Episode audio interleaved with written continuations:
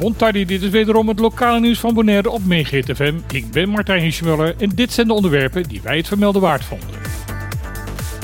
Al bij het aantreden van het vorige bestuurscollege in 2019 was er al de wens om een centrum op te zetten waar de burger van Bonaire op één plek alle informatie van de overheid gerelateerde zaken zou kunnen vinden en waar ook alle verzoeken en aanvragen van burgers afgehandeld kunnen worden. De realisatie van deze wens heeft vier op zich laten wachten, maar afgelopen dinsdag was het dan zover. Gedeputeerde Kroon en Tielman verrichten samen de officiële opening van het nieuwe contactcentrum dat gevestigd is op Kaya Industrie Paribas 28.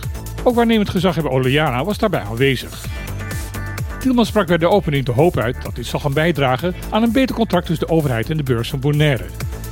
Deze hoeft met de komst van het centrum niet meer te gaan uitzoeken bij welke overheidsvestiging hij moet zijn voor de gewenste informatie, maar kan voortaan alles op één enkele plek vinden. Tijdens de opening werd ook aangekondigd dat er binnenkort een centrum voor klantenservice voor de overheid zal worden geopend. Nog steeds wordt het leven onderhoud in Caribisch Nederland elke maand flink duurder, maar de prijsstijgingen gaan wel minder snel dan voorheen. Was de inflatie het laatste kwartaal van 2022 nog 8,1%, het eerste kwartaal van dit jaar werd het leven in Caribisch Nederland 4,5% duurder. De lagere inflatie is voor een groot deel toe te schrijven aan de subsidie die de Nederlandse regering momenteel verstrekt op de elektriciteitsvoorziening. Daardoor hoeft in de BES geen vast recht voor elektriciteit meer betaald te worden. Verder daalden de afgelopen maanden de prijzen van de verschillende brandstoffen. Benzine werd 8,5% goedkoper, diesel zelfs 11,6%. De grootste prijsstijging in de eerste maanden van dit jaar was te zien bij de eieren. Daarvoor moest 26,5% meer betaald worden dan voorheen. Een andere grote stijger zijn de vliegtickets. Wie nu een ticket naar Curaçao, Miami of Amsterdam wil boeken, moet daarvoor ruim 9% meer betalen dan vorig jaar niet de verwachting dat deze prijzen de komende tijd zullen gaan dalen.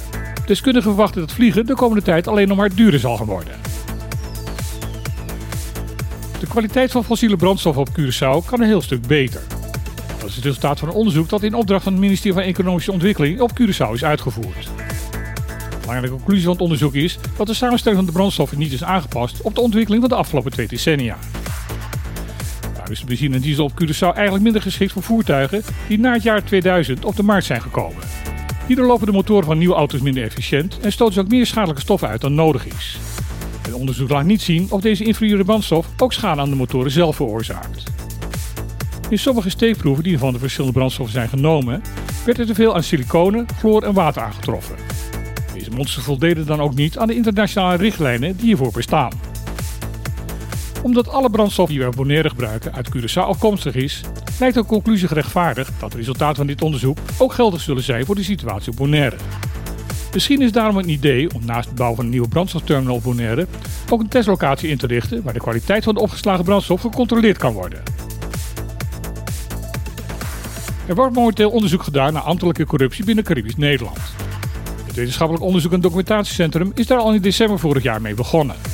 Dat heeft minister Jezel Gus van Justitie en Veiligheid in een brief aan de Tweede Kamer laten weten. Het onderzoek is ingesteld naar een advies van de Raad van Rechtshandhaving. Er wordt een aanbeveling gedaan om dit jaar een inventarisatie te doen naar de aard en omvang van de ambtelijke corruptie in Caribisch Nederland.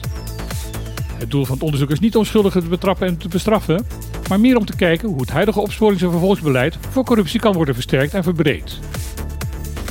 In dat kader is ook het ministerie van Binnenlandse Zaken en Koninkrijksrelaties met een verkenning gestart hoe zogenaamde klokkenluiders beter binnen de wetgeving van Caribisch Nederland beschermd kunnen worden.